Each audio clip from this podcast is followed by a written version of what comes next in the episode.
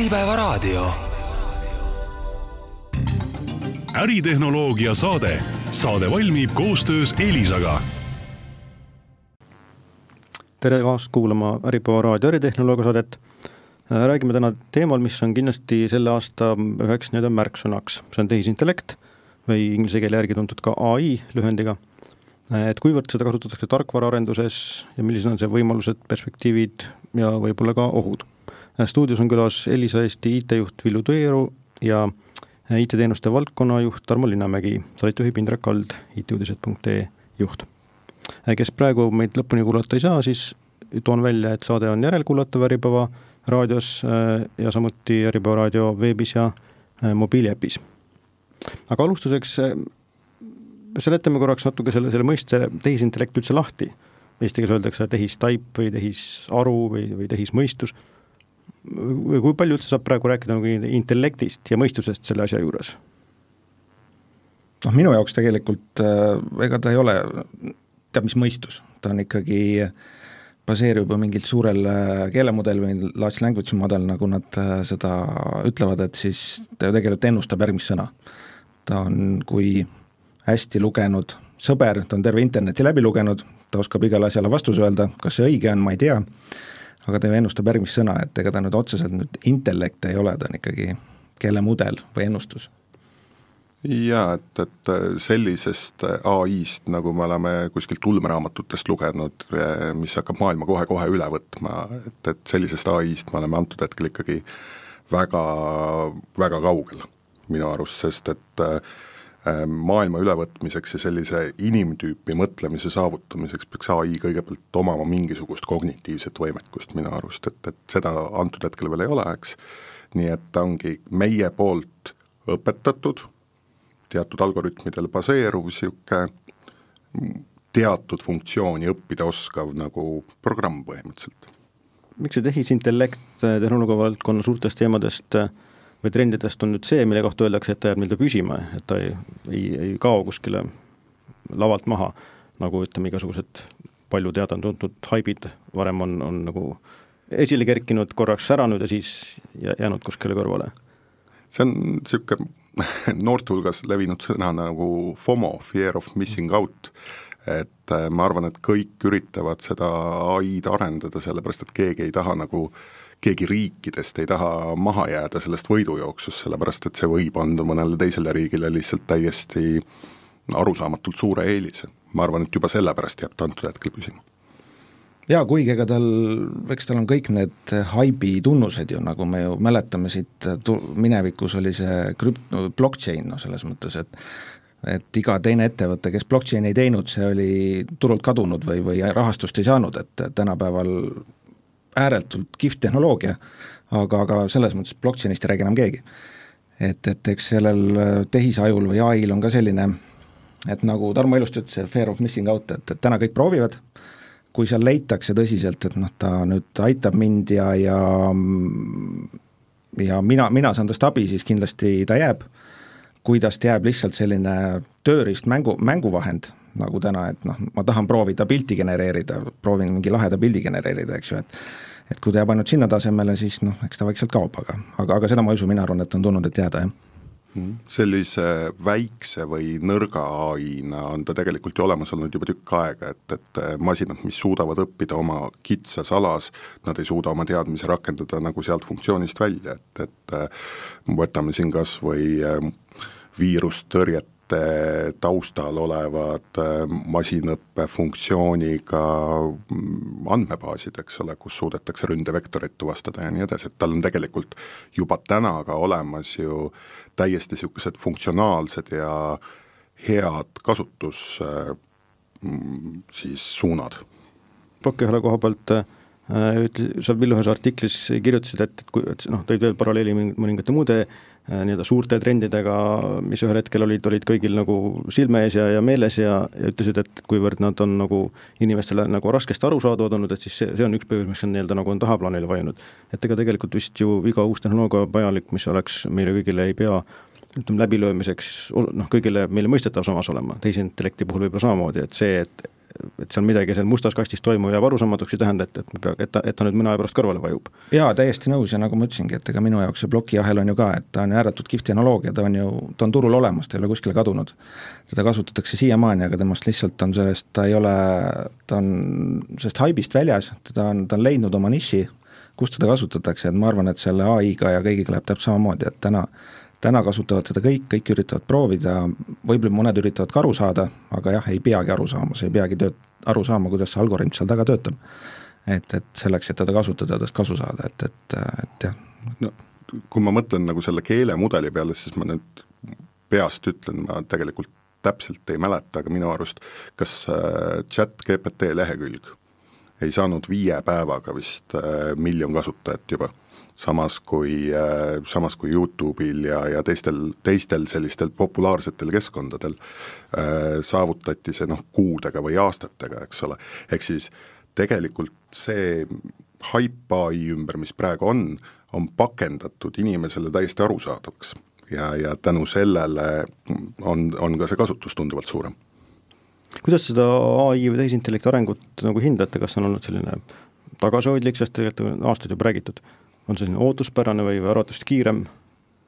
või on ta ka kuidagi niimoodi kurvi, nii-öelda kurviliselt, et ta nagu alguses on vaikselt-vaikselt aastaid arenenud ja siis äkki on nagu mingi hoosisse saanud või? noh, minu jaoks on tegelikult, ega ta, ta on ju taustal kogu aeg olnud, IT ja tehnilise inimesena kogu aeg ju tead, et tegelikult seda ai-d arendatakse, midagi seal toimub, varsti tuleb läbilöök, eks et, et see on ikkagi siin aastaid, ma ütleks juba aastakümneid olnud, et äh, aga, aga ega see chat GPT tulek, see oli vist kolmkümmend november eelmine aasta, kui ta välja tuli, siis ega see tuli üllatusena, ega see tuli ka minule üllatusena, et et äh, ta tuli nüüd sellise suure pauguna ja, ja et ta suudab nii palju teha, et, et äh, ja justkui aru saades, et mille pealt ta teeb, ta ju lihtsalt ennustab järgmist sõna. et ta suudab selle pealt nii palju abiks olla, nii palju teha, et, et äh, mina ütleks et ta tuli sellise ellipsina või, või, või kõverana, et alguses tuli ta vaikselt ja, ja tänaseks, kui nüüd vaadata sealt GitHubi populaarsematest projektidest siis vist üks nendest kolmekümnest ei ole ai-ga seotud, ülejäänud on kõik ai-ga, et, et seda arendatakse palju ja, ja, ja nii ta läheb praegu no Microsoft suutis lihtsalt hästi lühikese aja jooksul tegelikult pakendada selle enda mootori eh, noh, inimesele söödavaks, eks ole, ja tegelikult nad alustasid ju kahekümne esimese aasta alguses vist selle chat GPT projektiga, mitte et nad ei oleks varem tegelenud asjadega, nagu konkreetse projektiga, eks. et äh, selles vaates ütleks, et oli, oli mõõdukas areng, mõõdukas areng jätkub, aga lihtsalt siin on üks korralik pauk vahepeal käinud. olete ise seda chat GPT-d nii-öelda näppinud, kasutanud, katsetanud? jaa, ikka. on see mingeid üllatusi teile valmistanud või, või midagi, mida te ei osanud sealt oodata? ikka on selles mõttes, et tegelikult kui noh, eks ma hobi korras ka tegelen natuke programmeerimisega, eks ju, et, et ja proovinudki täpselt selliseid keeli, mida ma ise ei oska et ma nagu mõnda, mõnda programmeerimiskeelt olen elus õppinud ja oskan, eks ju, selles mõttes ja ma oskan võib-olla õigeid küsimusi küsida, aga kui lihtne on saada sealt mõne teise keele abi. et, et ja, ja ma ütleks, et noh, see ei ole ainult, nagu nüüd laiendada siin siis ka tegelikult niisama keeleabi ja, ja kõike abi, et, et ega ta, mina olen sealt üllatusi palju saanud, et tegelikult kui tark ta on, tark, jutumärkides nüüd selles mõttes, aga samas olen ma leidnud sealt ka olukordi, kus ma olen küsinud talt äh, nii chat GPT neljalt kui, kui siis äh, kolm punkt viielt sama küsimuse mm, saanud erinevad vastused ja mõlemad on olnud valed mm. -hmm. ja, ja mina olen nagu ma kasutan teda, ma ei ütle igapäevaselt, iganädalaselt kindlasti kasutan ja ma kasutan teda tihtipeale otsingumootorina. ehk siis ma palun äh, tal ennast valgustada mingisugusel teemal, sinna juurde anda viited, äh, ma sõnastan seda küsimust kolmel-neljal erineval moel siis ma saan piisavalt palju viiteid, millest jah, tihti osad on väga valed, aga läbi selle ma jõuan nagu enda jaoks huvitavate tekstideni vaata et lihtsamini kui lihtsalt guugeldades. teete seda eesti või inglise keeles? Äh, mina reeglina inglise keeles. mina olen eesti keeles ka teinud, et täiesti, et äh, alguses ta järjekindlusega vastas mulle ka äh, mina küsisin eesti keeles, tema vastas inglise keeles, mõtlesin, et aga switch ime nüüd äh, eesti keele peale, ta ja ei saagi aru, et noh, vahetevahel selles mõttes ta tõlgib selle kohe eesti keelde ära ja kuigi see õpetat-, õpetatud on teda ikka peaasjalikult inglise keeles, et see eesti, eesti keele mudel on tal natukene või seda treeningdatat on vähem. aga, aga eks ta suudab seal reaalas ka tõlkida tegelikult, et see chat GPT nüüd niimoodi hooga lendu läks äh, ja, ja, ka nii-öelda tehnoloogia kaugetel inimestel teada vähemalt on, noh, paljud on seda ka nii-öelda proovinud,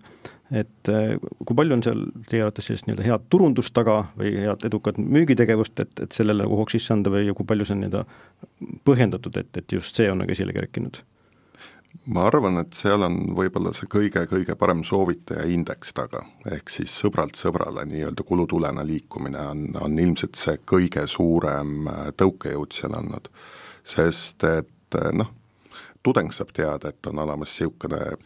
maagiline koht, mis on võimeline talle referaati kirjutama, loomulikult ta räägib sellest teistele tudengitele, see läheb kohe niimoodi pauguga edasi, programmeerijad omavahel ilmselgelt räägivad sellest, et ähm,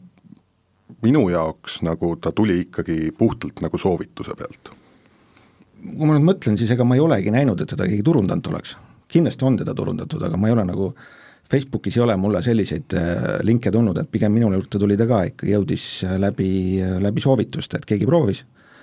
ja, ja ma arvan, et mina küll eelmine aasta veel teda ei katsetanud, et minule, minuni jõudis ta alles see aasta algust, esimestel kuudel, et et, et, ta on jah,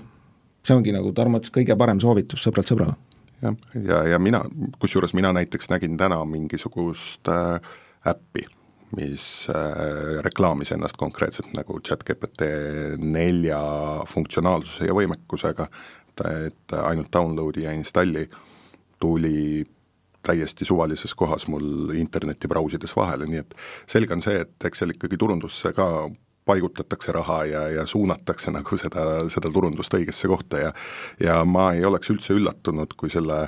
turunduse suunamise taga omakorda ei oleks mingisugune ai mudel, kes jälgib sinu käitumist ja, ja vastavalt sellele sulle reklaame paigutab ekraanile ega turundus ei pea tähenda, tähendamagi ainult seda, et sa saad reklaami kuskil need ajalehes või, või brauseris või kuulad raadiost või nii edasi, et selles mõttes see soovitusturundus on ka üks turunduse alaliike. et kuskilt lükatakse vaikselt käima ja hakatakse soovitama ja jaa, absoluutselt, absoluutselt, et äh, noh, see ongi, ta on, ta on peaaegu niisugune naturaalne ukselt uksele liikuv asi lihtsalt. kas tehisintellekt, äh, mis te arvate, on praegusel hetkel sama tähtis asi, kui, kui oli interneti tulek üheksakümnendatel? või ta pole ennast veel piisavalt tõestanud, et seda võrdlust nagu tõmmata? Internet muutis nii palju, kas tehisintellekt nüüd lähiaastatel hakkab sama palju muutma? ma arvan, et seda paralleeli võib tõmmata, kuigi ta ei ole veel ju noh, kui internet tegelikult tuli, olid täpselt samasugused äh, probleemid, nagu täna on meil ju chat-GPT ja ai-ga, et kõik need õiguslikud teemad ja, ja, ja esimesed lehed ju, mis äh, internetti tekkisid, ei olnud nagu tegelikult sellised, mida iga koduperenaine vaatama peaks. et äh, et kõik need teemad olid ju tegelikult tel, tol hetkel ka ja, ja oleks me sel hetkel nagu interneti ära keelanud, me oleks nagu päris halvas seisus täna, eks ju, et, et, et chat-GPT ja ai-ga on täna sama olukord, et me peame tõenäoliselt kõik need vaidlused ära pidama, leidma sinna seadusandluse kõik asjad taha, aga, aga ta on tulnud, et selles mõttes jah, et, et teada ja, ja ei no jaa, see, see džinn on pudelist välja lastud, et, et ma ka ei näe, et see kuidagi praegusel hetkel võiks peatuma jääda ja noh, eks tal on omad sünniraskused, internet ka alati ei töötanud, eks ole siis, siis kui algus oli ja ja oligi ju kümneid, sadu kordi aeglasem kui tänapäeval. mõned on soovinud ja päris nimekad äh, inimesed seda nii-öelda mingit pausi, kas või pooleaastast ai arenduses, et, et kui, kui mõeldav selline paus võiks üldse olla, noh nagu ütlesid, džinn on pudelist väljas. no sama hästi okei okay,, see paus peaks siis olema kõikide riikide poolt, see on sama hea, nagu kogu maailma üldsus lepib kokku, et äh, Vene tooteid ei osta ja, ja Venemaad ei aita, eks ole. kindlasti on olemas mingisugused riigid, kes äh, sellele ei allu ja siis me jõuame jälle täpselt samasse kohta tagasi, et keegi ei taha selles võidujooksus maha jääda ja, ja see, see nii-öelda paus lõpetatakse ikkagi ülikiirelt ära, ma arvan. jaa, mul on tegelikult seal sama mõte sellega assotsieerub, et, et et me võime ju siin lääneriikides või ettevõtete vahel kokku leppida, et tead, teeme nüüd pausi, eks ju, et, et milleks see küll on, on ju, võib-olla et keegi järgi aidata, aga, aga on ju hästi palju selliseid riike, kes me teame ju tegelikult ei tee seda pausi. Ja miks me anname neile stardipaku siis kohe kaugemale, meie nagu ei arenda, nemad ju niikuinii arendavad edasi, et, et võib-olla see pausi idee on mõistlik, aga seda nagu me ei saa mitte kunagi nagu noh, džinni me pudelisse tagasi ei pane ja me ei saa seda pausi teha lihtsalt pigem, pigem keelatakse nagu selliseid üldiseid mootoreid ära, noh Itaalias minu arust keelati ära chat-GPT kasutus põhimõtteliselt. see oli küll korraks, täna, korra, täna, täna, täna jälle lubatakse, eks ole, aga nad vähemalt proovisid korraks, eks, et et ma arvan, ei, seda ei tule, seda pausi ei tule. aga mis on need eetilised küsimused, mida peaks siis nii-öelda läbi mõtlema selle, selle tehisintellekti tulevikuga seoses? et, et kui, kui palju, noh, see on ka üks, üks põhjus, miks seda pausi on nagu soovitud, et kuidagi nagu arutletaks ja siis mindaks nagu mingi ühise arusaamaga edasi. et mis on, mis on need, ma ei tea, ohukohad või, või, mis on see nagu seal taga, et, et seda pausi nagu tahetaks? alustame GDPR-ist selles mõttes, et tegelikult ega inimesed ju ei ole teadlikud ja nad ei anna endale aru, et, et äh, nende samade mootorite üks mõte on see, et, et ka kõik sinu küsimused salvestatakse, et see mootor saaks sinu küsimustest edasi õppida, eks ole. sa võid ju sinna anda enda isiklikke andmeid ja sul ei ole kuhugi minna ja öelda, et olge head, kustutage nüüd minu andmed ära, eks ole. ja, ja see on nagu üks noh, eetiline ja tegelikult ka juriidiline probleem minu arust selle asja juures, teise eetilise probleemina ma võib-olla tooks välja seda, et, et võib-olla ongi probleem selles, et kas nagu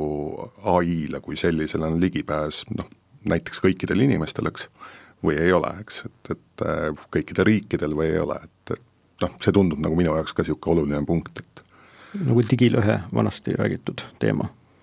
kes saab kasutada ja kes ei saa kasutada. no just. jah, ja lisaks kõik need copyrighti teemad tegelikult, et kui sealt, äh, kui ma lasen nüüd midagi genereerida seal, et siis kelle oma see on või siis teine teema, et, et kui ma saan sealt soovituse ja see soovitus on vale ja minuga midagi juhtub, et, et kes siis süüdi on, et, et kõik need, kõik need, just need juriidilised teemad, mis tuleb siin selgeks vaielda, et no just, et, et kui me räägime ai-st, noh, me ei räägi ju kitsalt jälle chat GPT-st, eks ole, me räägime ikkagi jälle sellest samast masinõppest, sellest nii-öelda viika ai-st samal ajal, eks ole. noh, kas me oleme autonoomsete autodega kuhugi jõudnud, ei ole, täpselt needsamad erinevad eetilised probleemid, et kes on süüdi siis, kui nüüd on avarii, eks ole kui juhitav või kontrollitav see ai siis peaks nagu olema? ühel hetkel ta võib muutuda kontrollimatuks teatud punktist, mida, mida me kõik veel ei taha nagu näha lähemas tulevikus küll. no siin tulevad need äh, Asimovi äh, roboti äh, keelud-käsud mulle kohe meelde, et sina ei tohi kahjustada inimest ja kõik need muud asjad. ma arvan, et eelkõige on oluline seal läbipaistvus ja, ja teine asi siis ikkagi täpselt seesama andmete privaatsuse teema. et et äh, need on võib-olla need kõige olulisemad asjad selle juhitavuse juures äh, ja noh, siis kui me kunagi sinna Singular ai-ni jõuame, kes siis tahab maailma hakata üle võtma, noh, ma ei tea, sellega on nii või teisiti, peame me tegelema siis, kui see aeg käes on. no samas, ega tegelikult ega natuke oleme selles ajas, kus ega need närvivõrkudel põhinevad äh, masinõppe või treenitud või, või algoritmid ju tegelikult ega me ei tea ju, mille pealt ta otsustas, et ta sellise vastuse andis et ega me ei saa ajas minna tagasi, me ei saa öelda kuskilt äh, lugedes äh, logisid või mis iganes, et saada aru, et miks just täna selline vastus anti, et et ega me olemegi spontaanses maailmas, et ega, et ai selle koha pealt on juba läinud ja, ja, ja ja me ei tea jah, mis ta, miks ta selle vastuse andis, mis konteksti ta sel hetkel kasutas ja miks ta just läks seda teed pidi oma vastuse andmisega, et tehnoloogiliselt me tegelikult ju oleme jõudnud juba sinna, kus me oleme võimelised ehitama sellise arvuti või arvutiklastri, kus, kus äh, me saamegi imiteerida inimaju, et, et äh, stiilis äh, iga, iga RAM-i sektor vastab ühele neuronile, eks ole, ja, ja circuit'id, mis jooksevad emaplaati mööda, on põhimõtteliselt sünapsid ja noh, põhimõtteliselt me oleme tehnoloogiliselt võimelised seda juba looma ju täna nüüd küsimus on selles, et jälle ongi see kognitiivne pool, et kuidas ta nüüd näeb, kuidas ta nüüd õpib, just nimelt see õppimisprotsess, et, et kuidas sa seda nüüd hakkad arvutile selgeks tegema, see on keeruline. aga Samsungi teadlased minu arust eelmine, eelmine või üle-eelmine aasta ülitasid ühe uuringu, kus nad ütlesid, et me oleme nagu valmis selleks. nii singulaarsus ehk see hetk, kui, kui arvuti äh, või tehisintellekt või ai, kuidas iganes nimetada, nii-öelda kasvab üle inimese pea ja, ja on eneseteadlik ja, ja hakkab ise mõtlema ja, ja ennast arendama või tegema asju, mida ta soovib, et et paljud hoiatavad selle eest, osad peavad seda nagu vältimatult saabuvaks, et, et kui, kui nii-öelda kui suureks ohuks te seda peate või, või, või, või, või kas see, nii-öelda see potentsiaal peaks nagu kuidagi tagasi hoidma seda tehisintellekti arendamist? Ta võiks tagasi hoida, aga ma lihtsalt ei näe seda, seda võimalust, kuskil on alati Frankenstein, kes hakkab enda monstrit looma, eks ole, et et ähm, ma kardan jah, et, et see on äh, reaalsus mingil hetkel, aga mis siis saab, seda ma kahjuks ei oska ennustada. Jah, isegi ei kujuta ju ette tegelikult, mis, millisel kujul ta välja tuleb, et, et me võime ju siin kõik ulmefilme oleme kõik näinud ja näeme tegelikult, milline see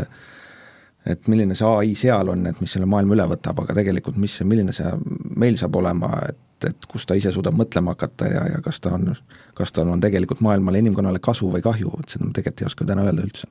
Ja et kas ta, kas ta näeb inimest kui enda vaenlast, kui enda sõpra näiteks, eks ole, ja, ja, ja noh, kuna, kui ta hakkab mõtlema, siis ta tegelikult on ju täpselt nagu, nagu meie siin stuudios, ma vaatan, vaatan küll üle laua teile otsa, eks ole, aga ma ju tegelikult ei tea, mida te mõtlete, nii et noh, täpselt sama on siis äh, selle ai-ga. muidu kuivõrd see ai tulek võiks äh, küberkuritegevust mõjutada? ma mõtlen, et, ütleme ka kaitsev pool saab ju tehisintellekti kasutada, see ei anna justkui nagu ründajale eelist või annab mingeid eeliseid? see on nii ja naa, mina ütleks, et see annab nii kaitsjale eelisele kui ründajale eelise, et ründaja saab väga lihtsalt nagu öelda, et mine ja vaata, mis seal, mis seal nagu katki on. ja, ja kaitsjale teistpidi tegelikult annab ta ka eelise, et, et saad nagu kõik igasugused need ano-, anomaaliad ja kõike hakata aru saama, et, et kui sul midagi anomaalselt tuleb, et, et äkki ja liiklus sul, kus sul tuleb anomaalne, et, et see võib-olla ei ole loomulik. et see annab mõlemale eelise, et Ähm, loodetavasti kaitsjad suudavad selle eelise rohkem ära kasutada kui ründajad, aga, aga kindlasti ründajad kasutavad seda täna. kusjuures ma arvan, ma arvan, et, et siin äh, ründajad hakkavad kasutama võib-olla selliseid pehmemaid variante, ehk siis äh, social engineering ehk, ehk ole, eks, et inimestest inimeste kohta võimalikult palju informatsiooni teada saada, võib-olla siis äh, propaganda, sihitud propaganda, ma ei tea, üleüldse noh, inimestega manipuleerimine, eks, et äh, need on võib-olla need esimesed suunad ja, ja ma arvan, noh, tegelikult me ju näeme ka erinevate riikide valimiste ajal me ju näeme, et, et selliseid asju juba tehakse, eks ole. Et äh, need on nagu need esimesed suunad ja seal neid takistada noh, suhteliselt keeruline siiamaani. me ei suudagi tavalise spämmiga ju võidelda, et noh, mis siis äh, see, see, see on ju kordades suurem ja kordades võim, võimsam tööriist, et kindlasti me sellega, me peame sellega võitlema, aga, aga kindlasti see tuleb sealt, jah. jah baseerudes sinu enda mingisugustel valikutel, noh, ta põhimõtteliselt suudab sulle joonistada kõige ilusama reklaami, mida sa üleüldse elu sees näinud oled varsti, eks, sinna juurde panna sellise sõnumi, mis eh, rõhub sinu väärtustele, mis sul tema arust olla võivad, noh, ma ei ütle, et reklaamibürood nüüd eh, peavad ka nagu poe kinni panema, aga, aga noh, reaalselt see inimese mõjutamise võime, võimekus on minu arust seal otsatu. No siin on jah, selline ütleme, kriitilise mõtlemisoskuse teema või, või küsimus ja selle nii-öelda olemasolu või siis, või, või mitte. aga vot, toome korraks digipädevuste küsimuse ka siia sisse teema, et kui nüüd nii-öelda tavalise raadiokuulaja peale mõelda, et kas tehisintellekt toob tema jaoks ka mingeid riske, millega peaks hakkama arvestama, ütleme, noh, ma ei tea, tööturul konkureerimiseks tuleb endale kuigivõrd ai nii-öelda selgeks teha või kuidagi sinna teemasse sisse minna, et oleksid nii-öelda konkurentsivõimeline järgmistel aastatel mina arvan, et noh, selles mõttes digipädevus on ta, raudselt tuleb nagu oskusena sisse. et täna keegi ei kirjuta CV-sse, et ta guugeldada oskab, aga noh, selles mõttes, et see on kindlasti üks digipädevus, et et varsti on nüüd chat GPT või, või noh, küll oleme ühe to-, ühes tootes võib-olla kinni, et neid ai-sid on palju rohkem, eks ju, aga, aga see, et tema käest õigeid küsimusi küsida, õigeid prompte küsida, õigeid, et, et saada hea vastus, et see on ka omaette teadus juba tegelikult ja omaette oskus et, et see, seda oskust kindlasti peab võib-olla varsti meie igaühe vanaema ja vanaisa nagu ka hakkama oskama. jaa, et äh, selle kasutamine lihtsalt, kui teda õigesti kasutada, siis äh, väga paljudel elualadel äh, võib see kaasa tuua lihtsalt suurema produktiivsuse. ja kui sa ei oska seda kasutada, siis sellisel juhul sa lihtsalt oled selle võidujooksu mõne teise töötahtjaga oledki kaotanud automaatselt ja lisaks tegelikult muidugi kõik see pool, et, et arusaamine, et, et noh, mis meid ikkagi täna veel eristab sellest ai-st, on see, et me suudame mõelda. et saada aru, mis on nagu õige, mis on vale, mis sealt, et mitte lihtsalt tuimalt sealt teksti lugeda ja tõe pähe võtta, et et kõik see peab ka tegelikult tekkima selle digipädevusse enda, enda loogiliselt arusaamine, et mis võib olla õige, mis võib olla vale. jah, päeva lõpuks, kui, kui äh, teksti, noh nii-öelda internetti läbi lugenud mudel, äh, ta ju peaks lõpuks olema täpselt sama polariseerunud, nagu väga paljudes riikides tänapäeval ühi-, ühiskond on, nii et sa võid ikkagi väga äärmuslikke vastuseid sealt ka vahel saada. mis ettevõtted võiks Eestis juba ai-d praegu kasutada selles nii-öelda versioonis, nagu, nagu tänapäeval ai kättesaadav meil on? kui, kui palju, kui paljudele juba oleks abi ai-st? tegelikult ega siin äh, alates tarkvaraettevõtetest, et äh, genereerida koodi või, või üle vaadata koodi, tegelikult oleks praktiliselt igal ettevõttel juba väike abi. et ega seal veel arendajat ta ei asenda ja, ja võib-olla ta ei ole mitte üheski eluvaldkonnas veel jõudnud sinnamaani, et ta suudab kedagi asendada. aga, aga kõik need chatbot'id ju tegelikult, mis suudavad äh, kliendi probleemi algusest lõpuni ära lahendada, et, et äh, kõigil, kellel on kokkupuutepunkt kliendiga, et seda tegelikult need ettevõtted kõik natukene saaksid juba seda abi kasutada. natuke või palju isegi, et ja, ja see ei ole nagu see viimase aja trend tegelikult, see on juba siin aastaid viis, kuus, seitse olnud, kus sinna juba sellist chatbot'ide ja selliste asjade peale läheb ja, ja, ja tegelikult väga paljud ettevõtted ja ka väga paljud eraisikud juba pragu kasutavad ju seesama, mis ma enne ütlesin, antiviirust, kus tegelikult on ka masinõpe taga, eks ole, ettevõtted, kellel on suured andmekeskused, saadavad telemeetria infot kuhugi pilve, saavad sealt vastu soovitusi. Ähm,, Inglismaal on ju ai-l baseeruv äh, Äh, tore aitaja arstide jaoks, kes siis vastavalt sümptomitele arstile ütleb, kuule, aga kas sa selle peale ka mõtlesid, et äh, temast on eelkõige abi just äh, haruldaste haiguste tuvastamisel, sellepärast et arst võib-olla näeb seda üks kord elus, samal ajal ai-l on väga korralik andmebaas seal taga ja nii edasi, et et neid kasutusvõimalusi ilmselt tegelikult on nagu lõputult. Ma loodan, et see arsti värk ei ole muidugi Google'i peal treenitud, et doktor muidu, Google. doktor Google, muidu juhtub see, noh, me ju kõik teame, mis seal, kui sinna mingi diagnoos panna, siis mis, või tähendab, mingi sümptom panna, mis, mis su diagnoosiks öeldakse, ei, see on ikkagi täiesti eraldiseisev projekt, oli seal äh, perearstikeskuste jaoks. kas te olete kohanud ka mõnda sellist näidet, kus äh, nii-öelda siis ma ei tea, eraisik või ettevõte soovib ai-d mingit rakendust, rakenduse jaoks kasutada mingi probleemi lahendamiseks või, või parandamiseks, aga praegu nii-öelda tehisintellekt ei ole veel võimeline seda, et kas on, on juba, on soovid juba suuremad, kui praegu nii-öelda ai järgi on tulnud? otseselt nagu ühtegi niisugust päringut meelde, meelde ei tule, et keegi oleks tulnud tänavalt või, või saatnud emaili, et kuule, ma tahan ai-d osta äh,. Aga süües kasvab isu ilmselt, küsimus on lihtsalt selles, kas me oleme täna võimelised, võimelised äh, seda välja mõtlema ja, ja, ja pakkuma pigem, mitte selles, kas ai on võimeline seda tegema, noh, noh ai ei ole võimeline hakkama sadat meetrit jooksma hakkama, aga aga noh, nii mõistuse piires. kuidas ai-d arendatakse, kas see on nagu tavaline tarkvaraarendus või, või, või mille poolest ta erineb?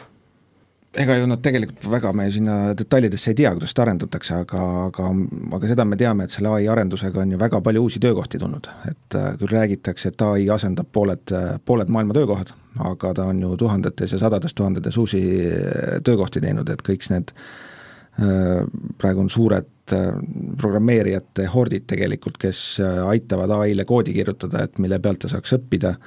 ja, ja mille pealt siis järgmisi soovitusi teha, täpselt samamoodi kõik need treeningu leibeldamised või need, äh, et äh, et anda ai-le konteksti, õiget konteksti, et, äh, et selle pealt jah, et ai on väga palju tööd andnud juba inimestele. Ja, ja lisaks kontekstile, eks ole, teisipidi ka raamid, eks, et, et, et see asi vai-, laiali ei vajuks ära et, et ta teaks, mis suunas ta nagu minema hakkab, aga aga jah, kahjuks ega, ega mina ei ole ka oma elus ühtegi ai algoritmi kirjutanud, et täpsemalt ma nagu öelda ei oska see oht ai-ga seoses, mida aeg-ajalt ikka nagu välja tuuakse, mis korraks ka põgusalt läbi käis, et, et võtab nii-öelda töökohad ära või või, või nagu nii-öelda surub justkui inimesed kuskilt välja, aga, aga selle vastupidi öeldakse selle kohta, et ta mitte nii-öelda ei, ei võta need töökohad ära, aga nende inimeste, kes on siis, saavad ai-st mõjutatud, nende need ametinimetused muutuvad, ehk töö sisu muutub lihtsalt, aga nad ei, nad ei kao sellepärast tööturult ära, et ai tuli, vaid lihtsalt ai hakkab midagi tegema, nemad hakkavad midagi muud samal ajal tegema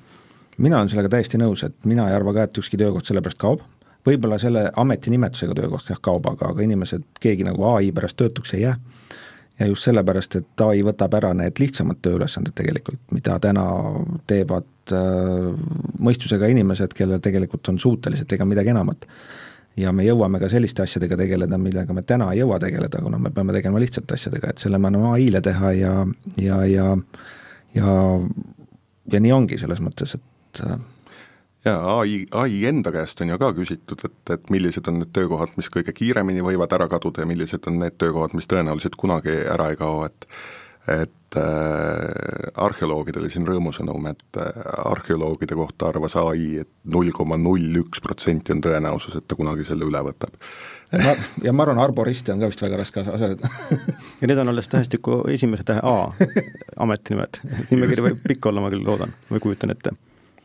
jah, kindlasti, kindlasti see nimekiri on pikk ja, ja ma ütlen, et kõigepealt muutuvad äh, töömeetodid ja, ja, ja võib-olla ongi, et inimesed peavad, seesama digipädevuse teema, võib-olla siis peab ai pädevus tekkima, eks ole, aga aga see kõik on õpitav ja, ja pigem see avab meile uusi võimalusi. kas te teate, mis ulatuses äh, praegu juba Eesti tarkvaraettevõtted ai abi kasutavad, siin noh, ennem oli ka jutuks see, et tarkvaraarendus on üks see, kus valdkond, kus nagu ai, tehisintellekt on juba abiks? tegelikult kasutatakse päris palju, et äh, päris sellist unikaalset koodi, noh, mina julgen väita, et sellist unikaalset koodi ikkagi ai veel luua ei suuda, kuna ta, ta loob ju koodi, mida ta on korra näinud. et, et ta lihtsalt suudab genereerida seda, mida ta on korra näinud, aga, aga selliseid lihtsamaid ülesandeid suudab ta kindlasti, äh, erinevad DevOpsi ülesandeid siin, kus neid äh, serveri käsurida on ju kõigil ühesugune ja neid lahendusi on mustmiljon seal internetis, mille pealt ta suudab nagu tegelikult selle äh, programmi kokku panna. samamoodi ta suudab äh, lihtsamad ähm, programmeerimisülesanded tegelikult, ei julge ära lahendada, vaid, vaid ette genereerida sulle selle raamistiku, et kus äh, sinu jaoks on täida lüngad tegelikult. et kõik need GitHubi Copiloti projektid, mis on ähm, mis võib-olla ei ole veel ikkagi sellisel ta-, staadiumil, et me saame öelda, et ta nüüd nagu äh,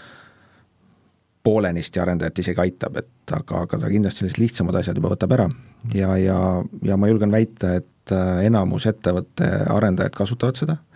Ja mitte seda GitHub Copilotit, vaid ai-d üldse, ja, ja kui su, ja kui juhtkond arvab, et ei kasuta, siis noh, tegelikult chat GPT-s enamus arendajaid vähemalt küsib abi, et äh, kas ta siis, noh, mina tean enda, enda noh, Elisast tegelikult, et on inimesi, kes on guugeldamise asendanud chat GPT-ga ja sealt tuleb palju asjalikumaid vastuseid, kuna ta, kuna ta ikkagi on seda internetti mitu korda edasi-tagasi läbi lugenud, et ta ei paku seda esimest ja, ja võib-olla kõige rumalamat vastust. et, et äh, jah, et enamus tarkvaraettevõtted, ma arvan, kasutab seda, kuigi ma tean ka, et osad on proovinud seda keelata. Äh, Eesti tarkvaraettevõtted? jaa, isegi Eesti tarkvaraettevõtted just selle mõttega, et äh, kui meie paneme sinna oma koodi, et siis see saab ju osaks millestki suuremast. ja järgmine, järgmine soovitus kellelegi teisele antakse minu koodi pealt. ja just see copyrighti teema tegelikult, mida üritatakse siin vältida, ja ma tean, et noh, tegelikult suurematest ju Samsung keelas ära minu teada chat-GPT kasutamise, kuna neil oli väga valus, valus neil midagi lekkis, et äh, aga, aga ka oli noh, selles mõttes väga asjatundmatult äh, tööriista kasutamine lihtsalt jaa, et, et äh, rääkides, rääkides nagu Copilotist, noh tegelikult neid uuringuid on äh, praegusel hetkel veel vähe, aga aga GitHubi enda poolt nagu läbi viidud uuring sellel hetkel, kui Copilot oli veel sellises mm, nii-öelda tasuta testversioonis, eks ole, siis nad äh, küsitlesid kasutajaid ja, ja ja kasutajad siis said Likerti skaalal vastata, kas nad on sellega väga õnnelikud või ei ole õnnelikud ja tegelikult see näitaski, et kasutajad hindasid kõige kõrgemalt seda, et sellised korduvad lihtsad ülesanded, nad saavad nagu käest ära anda, eks ole, nii et niisugune äh, vähemalt emotsionaalne väärtus oli kohe automaatselt olemas nende arendajate jaoks, nad tundsid ennast töö juures õnnelikumana ja, ja, ja nii edasi, et nii et ai abil juba koodiõppe lastakse kirjutada aga, aga, aga, aga mitte veel nagu terviklikku nii-öelda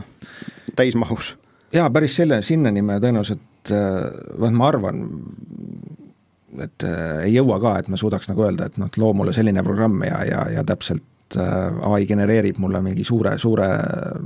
programmi, mingit CRM-i või selles mõttes, et aga mingisugune, tõsta mul see nupp paremalt vasakule värvi kollaseks, selliseid asju ta täiesti suudab teha ja ja väga efektiivselt ja kiiresti. ja siiamaani ongi ikkagi põhiline probleem on see, et ega ta ei suuda midagi uut luua. ta ju läheb ja vaatab, mis on varem tehtud ja sellest paneb siis kokku selle, mida, mida sooviti. mis tegelikult tähendab, et midagi uut ei saagi seal nagu luua, et selle jaoks on ikkagi jälle vaja seda homo sapiens'i just innovatsiooni tegelikult ai-ga ei tee, vähemalt veel, et äh, ma isegi ei kujuta nagu ette, kuidas ta, noh siis ta juba ongi isemõtlev, mõtlev isiksus, kui ta juba hakkab innovatsiooniga tegema, aga täna täna ta jah ei tee, ta on midagi kuskilt näinud, ta kopeerib midagi kokku, ta teeb seda väga targalt, tegelikult teinekord jääb sul täiesti tunne, et see on, kuidas, ta lõigi midagi unikaalset, aga, aga tegelikult ta on seda lihtsalt kuskil näinud ennem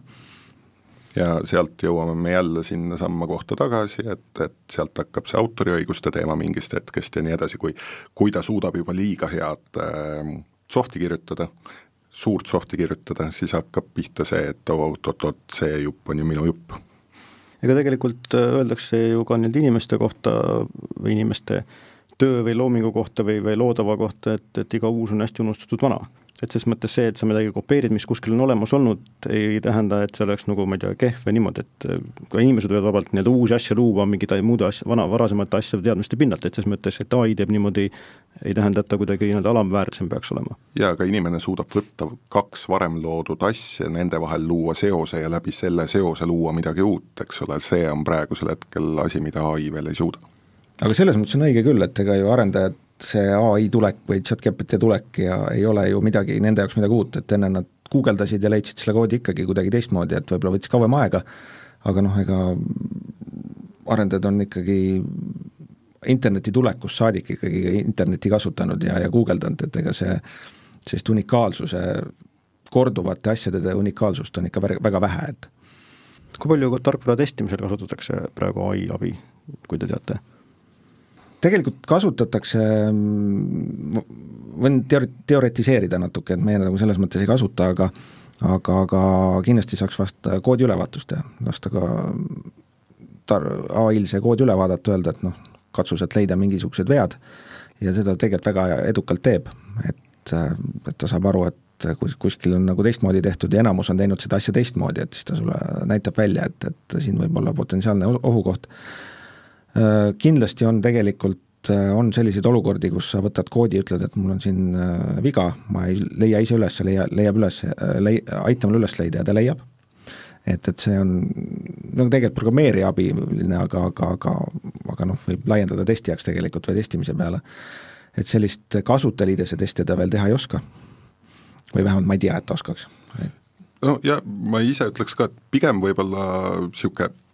üks abi, mis tast kindlasti juba tänapäeval on, on, on just nimelt tänu nendele keelemudelitele näiteks äh, koodi kommenteerimisel,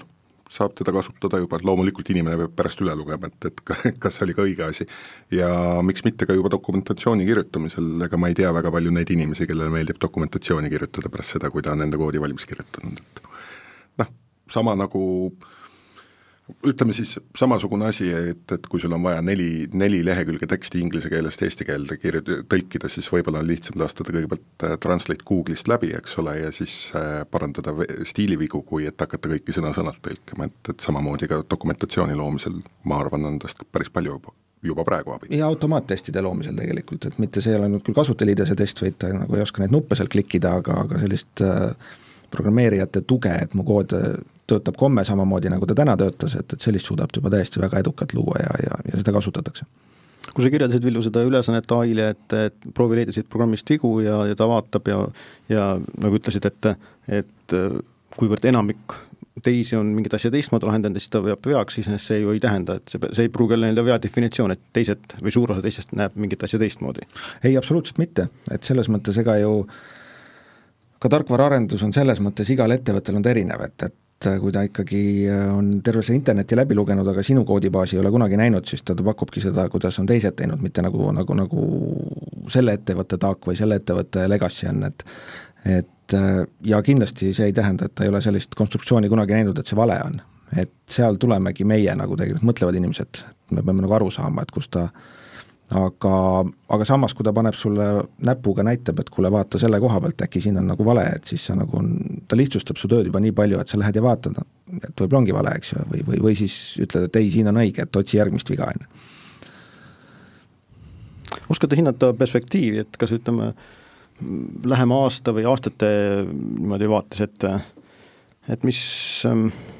mida, mida hakkab nagu ai tarkvarafirmades tegema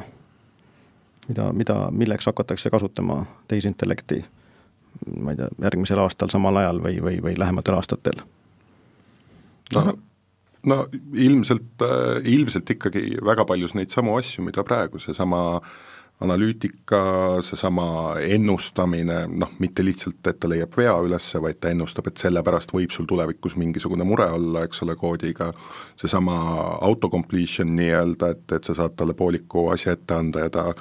enam-vähem kujutab ette, et mis sa siin nüüd järgmiseks teha tahtsid, ta teeb sulle mingisuguse väikese mooduli valmis näiteks. ma arvan, et kõike seda äh,, seda, et ta nüüd taaskord seda, et ta nüüd midagi innovaatilist ja suurt teeb järgmise viie aasta jooksul, ma ei usu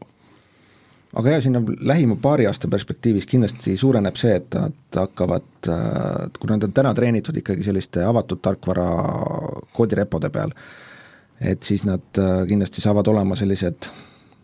on-prem lahendused või selline enda, enda juures hoid-, hoitavad lahendused, et ta suudab sinu enda koodibaasist äh, pakkuda selliseid õiget arhitektuurilist lähenemist et, et see on kindlasti suurem abi kui see, et ma saan teada, et noh, keegi kunagi tegi, tegi, tegi sedasi selle, et et, et see on kindlasti lähiaja tulevik. ja kui kõik ettevõtted ei lähe Samsungi teed või,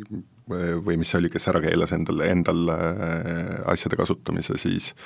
siis noh, tahes-tahtmata ka need nii-öelda suletud koodibaasid lekivad järjest rohkem välja. Vot seal ongi tegelikult, mina ütleks, et väga oluline aru saada, et kui sa kasutad tasuta tööriista, mis on chat GPT, eks ju tegelikult, mida enamus kasutavad, et siis äh, seal on isegi väi-, öeldud, isegi mitte vist mitte väga väiksena, et äh, kui sa ära siia mingeid privaatseid andmeid äh, pane, see on, disclaimer on sinna pandud, aga noh, enamus seda ju tegelikult ei vaata, et seal siis ongi, nagu Tarmo kirjeldas, on need GDPR-i asjad, ma annan oma isiklikke andmeid talle, järg-, ma annan oma isikliku koodibaasi tegelikult, mis täna on mul täie, täis innovatsiooni, ainult minu enda oma, homme kõik kasutavad sedasama, eks ju, et ähm, ja, ja, ja hullem on see, kui noh, mõni konkurent saab aru, et noh, millise tootega ma kolme kuu pärast kavatsen välja tulla, eks ju, ja ta selle kiiremini teeb, et, et, et sellised tööstusspionaažid lähevad nagu märksa lihtsamaks intellektuaalne omand ja, ja selle reguleerimine ilmselt saab olema ka nagu väga-väga suur äh, teema ja ja tegelikult intellektuaalset omandit on äh, tihtipeale ka suhteliselt keeruline nagu pikemas perspektiivis tõendada, vähemalt praegu et neid kohtu case'e on piisavalt mitte küll ai teemadel, aga lihtsalt mingitel muudel teemadel, kus ei suudetagi ära tõestada, et see oli minu oma enne. aga kui ma vabatahtlikult ta sinna annan, siis ta enam ei olegi võib-olla sinu oma. Tarkvaraarendus on oluline osa ka analüüsil või tehnilisel arhitektuuril, tehnilisel disainil, et kui palju seal ai praegu kaasa võiks aidata? No arhitektuuri ja disainiga ongi tegelikult, et täna nad veel väga palju ei aita, kuna sul ongi, nad ei suuda selle sinu koodibaasi peal, on juba tulemas selliseid tööriistu, mis suudavad, aga need suured ja, ja tuntumad ikkagi sellise sinu koodibaasi peal otse, otseselt ei ela, et äh, et aga kui nad, äh, sellised tööriistad välja tulevad, siis kindlasti on juba ka arhitektuuri ja disainiga suur abi. Ehk siis äh, täna on noh, ega seal ju disaini ja arhitektuuril ole-, olulise, mis on seal oluline, ongi see jätkusuutlikkus või see järjepidevus et kui iga arendaja tuleb ja teeb sinna omamoodi, et, et siis pärast on nagu puder ja kapsad, keegi aru ei saa, et, et pigem kui see ai suudab pakkuda sellise lahenduse, kuidas on meie ettevõttes eluaeg tehtud, võib-olla see ei olegi kõige õigem lahendus, võib-olla Google'is on palju ilusamaid lahendusi, aga aga meie oleme seda eluaeg niimoodi teinud, et meil ei ole mõtet oma koodibaasi nagu rikkuda siis mingi erinevate arendajate arusaamadega, et et siis saab seal arhitektuuri ja, ja disaini poolel kindlasti märksa rohkem abi samas igasuguseid API otsasid ja selliseid suudab juba genereerida, et anna talle lihtsalt ette, et äh, näed, mul on selline API, mul on vaja sealt see asi ja genereeri mulle kood, täiesti selle suudab juba teha, see on väga lihtne ja, ja, ja selliseid asju ta juba teeb. analüüsi poole pealt, noh, mina ütleks, seal on ikkagi veel vaja väga palju sellist inimmõistust, et äh, seda ma isegi ei suuda mõelda, et keegi veel analüüsi poole peal suudaks ai-d kasutada ja ma, ma arvan, et tast on abi hästi palju selle analüüsi juures juba lähiaastatel, seesama asi, et ta võimaldab sul kas või mingi legacy süsteemi juures äh, läbipaistvust pakkuda. ja teine asi, kui ta täna suudab, seesama, mis sa välja tõid, ta täna suudab tegelikult keelest keelde näiteks tõlkida noh, ühest programmeerimiskeelest teise, siis see, siis seesama, et, et meie majas on nagu harjutud niimoodi tegema, ütleme, et ta suudab ka võib-olla keelesiseselt murrakuid nii-öelda siis tõlkida või, või koodi, koodi muuta, et oleks nagu ühtne tervik, eks. kuivõrd võiks tänu tehisintellektile muutuda IT haldusteenuste osutamine, ütleme siin kasutajatugi, ma ei tea, serverite haldus või töökoha arvutite hooldushaldus ja sellised küsimused Äh, kasutaja tugi, kui võtta nagu juturobot juba on kasutusel. ja, ja ei, ma mõistan küsimust ja, ja äh, taaskord ta mingil määral juba on olemas, ta mingil määral juba aitab, kas või äh, mingisugused äh, mm, turbeoperatsioonide tarkvarad, mis siis automaatselt sulle mingisuguse vastuse genereerivad, mis äh, mm, needsamad antiviirused oma, oma ai-ga äh, aga ilmselt äh, lihtsamate ülesannete juures, äh, miks mitte seesama chatbox ei võiks üle võtta arvutikasutaja pilti ja, ja seal teha kolm liigutust selle jaoks, et arvutikasutajal hiir uuesti tööle läheb, et, et ma arvan, et see kindlasti ei ole mitte mingisugune võimatu missioon. kas see on täna olemas, mina ei tea. Aga tõenäoliselt mõne aasta jooksul võib vabalt tulla juba jah, ja uute kasutajate loomine kuskile süsteemi, noh tegelikult keegi anna, annab loa ja ai läheb, teeb selle ära, selles mõttes, et täna, noh täna on tegelikult ka sellised lahendused, see ei ole nüüd, me ei nimeta seda ai-ks, me nimetame skriptideks, eks ju, aga aga lihtsalt tulevikus võib-olla suudab ai seda teha, et no vähemalt ta suudab selle skripti kirjutada just. aga ikkagi, kas lähiaastate perspektiivis tänu tehisintellektile võiks väheneda vajadus programmeerijate järele, ütleme algajate programm, programmeerijate järele see on hästi keeruline küsimus ja, ja mina arvan, et ei vähene. selles mõttes, et äh, nagu siin enne ka juba korra oli juttu, et äh, mina arvan, et äh, tulevikus ta võtab ära lihtsamat tööd, jah, võib-olla võtab selle, mida täna pannakse juuniorid tegema, aga meil on nii palju ikkagi asju, mida tahetakse ja, ja seda, see tellimuste hulk, ütleme selles mõttes, on, on märksa suurem, kui see me jõuame täna ära teha. eks me jõuame ka nende asjadeni, mille me täna ei jõua et, ähm, et äh, siis me hakkame tegema lihtsalt võib-olla palju rohkem asju, palju, võib-olla täna, mis ei ole selle kõige kõrgema prioriteediga, prioriteet kaks asju, aga siiski me jõuame nendeni, et seda ma ei usu kuskil, et meil läheks nüüd, et äh, ai tuleb ja võtab poolte programmeerijate töö ära, kuna meil ei ole enam neile tööd pakkuda, seda ei ole. ja, ja, ja, ja noh, tegelikult kuskil oli see, ma isegi ei tea, kes selle esialgselt on nagu välja öelnud, aga on ju äh, on neid äh, erinevaid äh, viise, kuidas on see nagu välja öeldud, on nii palju, aga, aga mõte on midagi sellist, et, et selleks, et ai must abi oleks, et siis peab hakkama klient ju kirjeldama ja seda, mida ta tahab.